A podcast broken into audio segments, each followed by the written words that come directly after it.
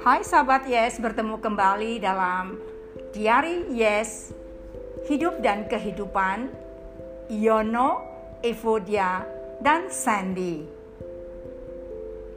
Apa kabar sahabat Yes semua? Baik. Dimulai dengan Dimulai saya. dengan Yono Yes. ya. Yono. Berikutnya, Ya, saya Evodia. lalu Ya, saya Sandy Harun. datang lagi. Ada lagi. Ya, sahabat Yes ini kami datang kembali ya.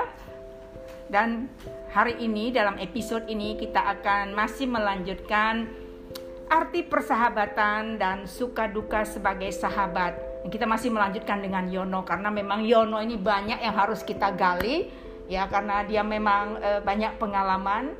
Pengalaman apa Mas? Pengalaman hidup. Kemarin katanya kalau mau belajar apa sama saya testimoni kesusahan. Bagaimana menjadi orang susah. Bagaimana menjadi orang miskin. Pelan tapi pasti. Iya. Belajarlah dengan saya. Bagaimana Kita- mencari harta karun? Mencari harta karun. kita punya tiga mentor yang mengalami secara real. Ya, sahabat sekalian, hari ini kita masih berbincang-bincang lagi dan kita akan lanjutkan dengan Yono. Mungkin sahabat masih ingat ya yang lalu bagaimana Yono mulai hidupnya ya berjuang di Singapura, kemudian dia sempat bercerita juga ya kepada kita bagaimana perjuangan dia lalu belajar kembali di Indonesia mencari teman bisnis tetapi dia masih mencari bentuk begitu ya sampai akhirnya kemudian dia jatuh. Nah, pada dia jatuh itulah kemudian dia belajar banyak. Nah, episode ini kita belajar bagaimana dia jatuh. Lalu bangkit ya, itu yang paling penting. Kita boleh jatuh. Berkali-kali pun tidak apa-apa, yang penting bangkit. Ada orang jatuh dia tidak mau bangkit. Nah, kita mau dengar nih gimana nih. Yono pengalamannya. Yuk, lanjut lagi, Mas. tentang bangkitnya. Bangkitnya ya Naswa enggak Jatuh, lah. Jatuh. jadi kan Jatuh proses, dulu, ya, jatuh dulu. proses-proses dari uh, transisi. Jadi kan tujuh tahun mungkin gini. Uh, uh, ketika saya di Singapura itu kan saya baru uh, pelan-pelan saya mengenal uh, uh, bagaimana sih berbisnis. Tetapi sayangnya bisnis yang saya kenal adalah bisnis dengan uh, orang-orang di luar sana di Singapura yang mana itu kan budayanya tidak sama. Pola pikirnya tidak sama dan banyak hal yang memang tidak sama. Nah sewaktu uh, saya pulang ke Indonesia saya uh, ada sedikit modal. Saya merasa bahwa jadi kayak saya belum siap untuk transfer antara Singapura dengan Indonesia.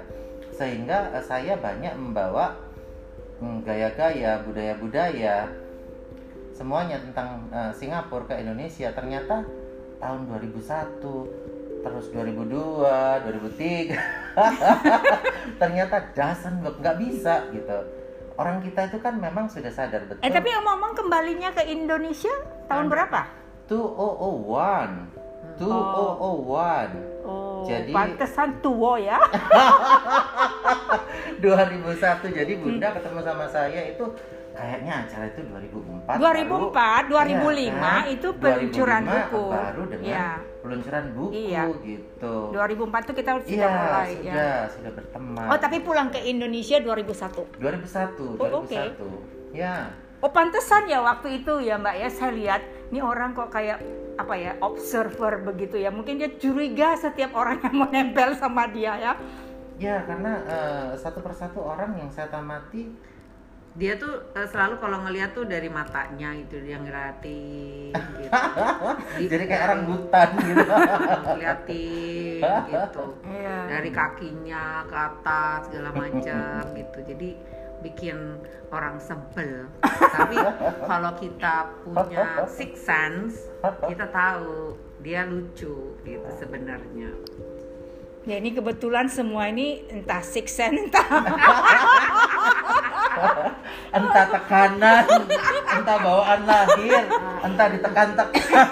Harus ketemu. Ya. ya ya ya lanjut. Nah akhirnya kan saya nyoba eh, eh, dari berbagai peruntungan bisnis. Misalnya saya beli eh, rumah baru. Setelah itu saya isi interiornya bla bla bla ini itu gitu kan.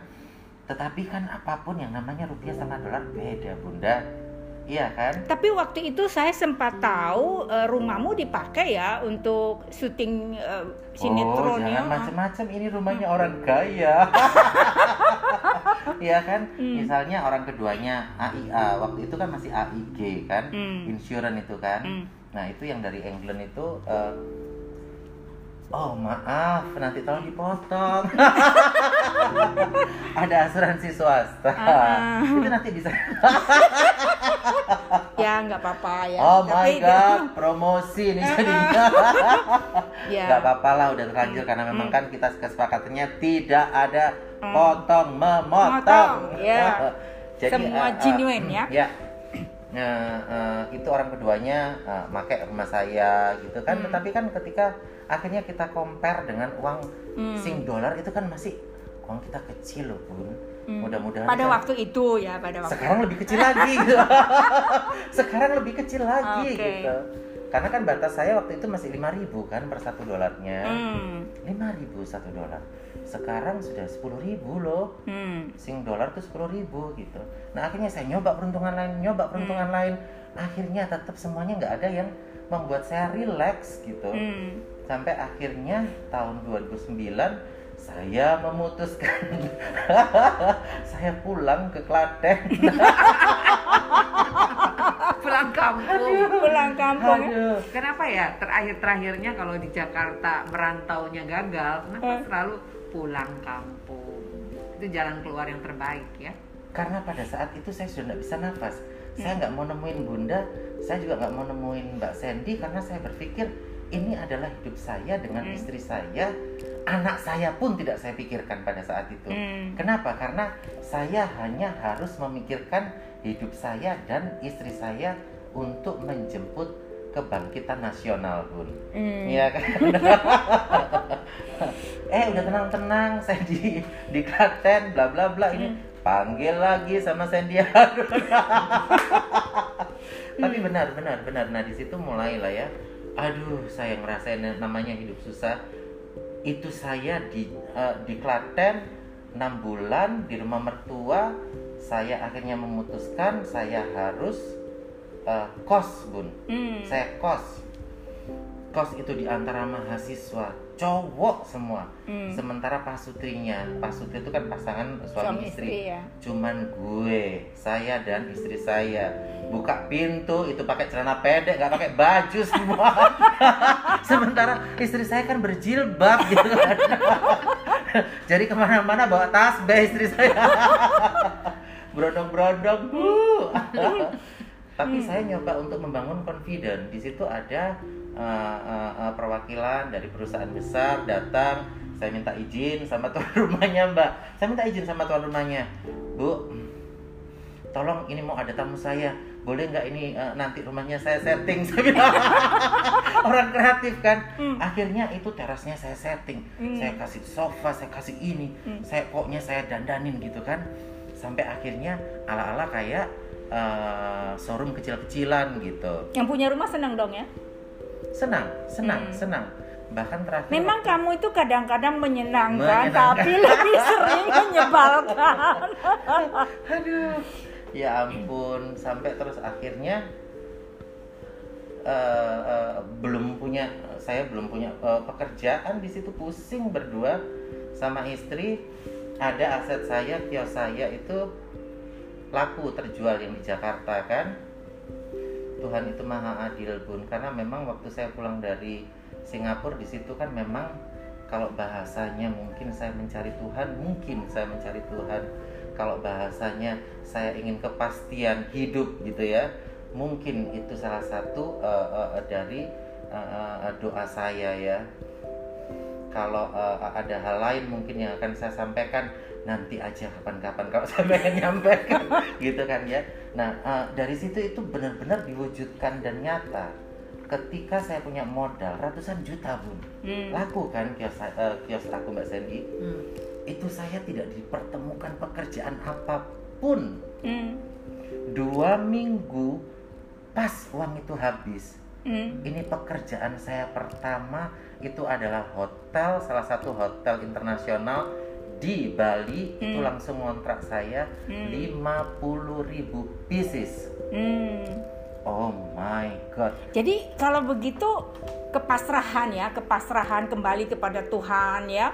Kalau dilihat itu tadi dia ya mulai mencari kembali, Betul. uh, bukan mencari ke tempat-tempat lain begitu ya, tapi larinya ke Tuhan ini luar biasa Ya, kan ya, ya, bahwa ya. ternyata dalam dua minggu dapat rezeki, Mhm. uang Hilang, persis habis, Ya, ya. lalu kemudian itu habis. Buat apa Habis. aja? Saya nggak tahu sampai Hmm. saya berantem, berantem sama istri saya. Saya suruh ngetres satu persatu.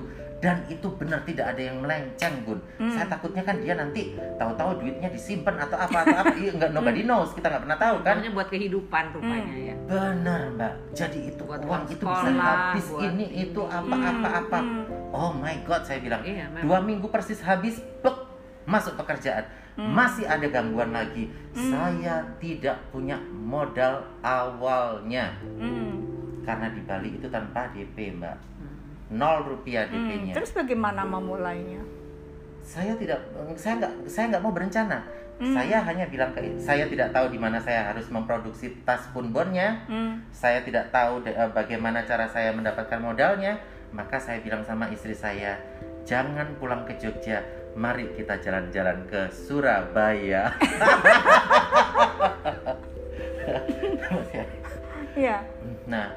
terus di situ eh, saya eh, beruntungnya saya minta waktu dua minggu untuk pengiriman pertama dari 50.000 pieces gitu.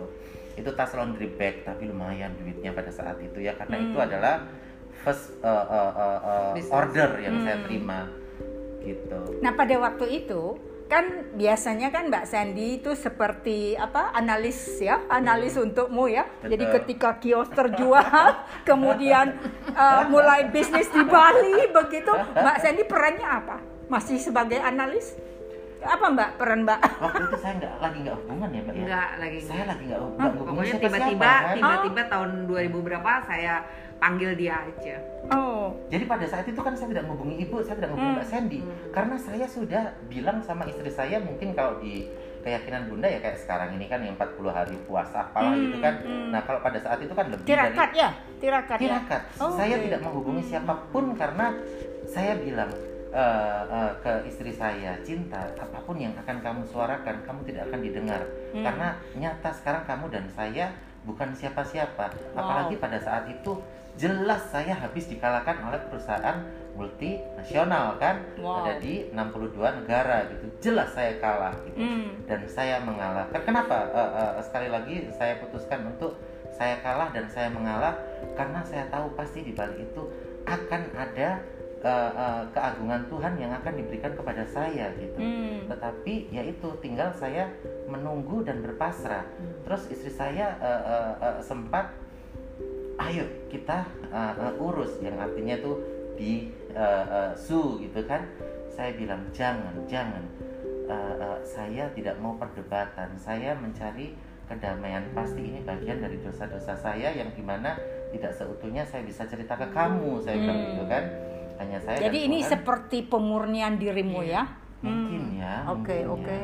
saya tidak berani berjanji apa pun akhirnya eh, dari situ ternyata ya semakin ke sini semakin ke sini itu kan gambar mulai terlihat bun Hmm. apa yang saya cari dari tahun 2001 sampai dengan 2010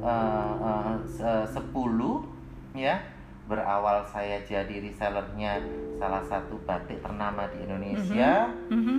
karena terlalu banyak uh, permintaan-permintaan spesial sehingga saya tidak bisa uh, uh, memenuhi permintaan pelanggan saya maka saya berunding dengan istri saya bagaimana kalau kita mulai memikirkan untuk private label gitu Oke, kita akan stop dulu di sini ya karena aduh uh, sayang private banget private label ini nanti ada kaitannya dengan Mbak Sandy ya. Ya, Ya, ya, jadi kita akan ya, mulai ya, uh, cerita ya. yang baru lagi. Hmm. Uh, Kira-kira ya, kalau Mbak Sandy seperti ini kan kita akan closing ini ya, belajar Hmm. apa kita dari Yono lewat uh, pengalamannya ini, Mbak Sandy gimana?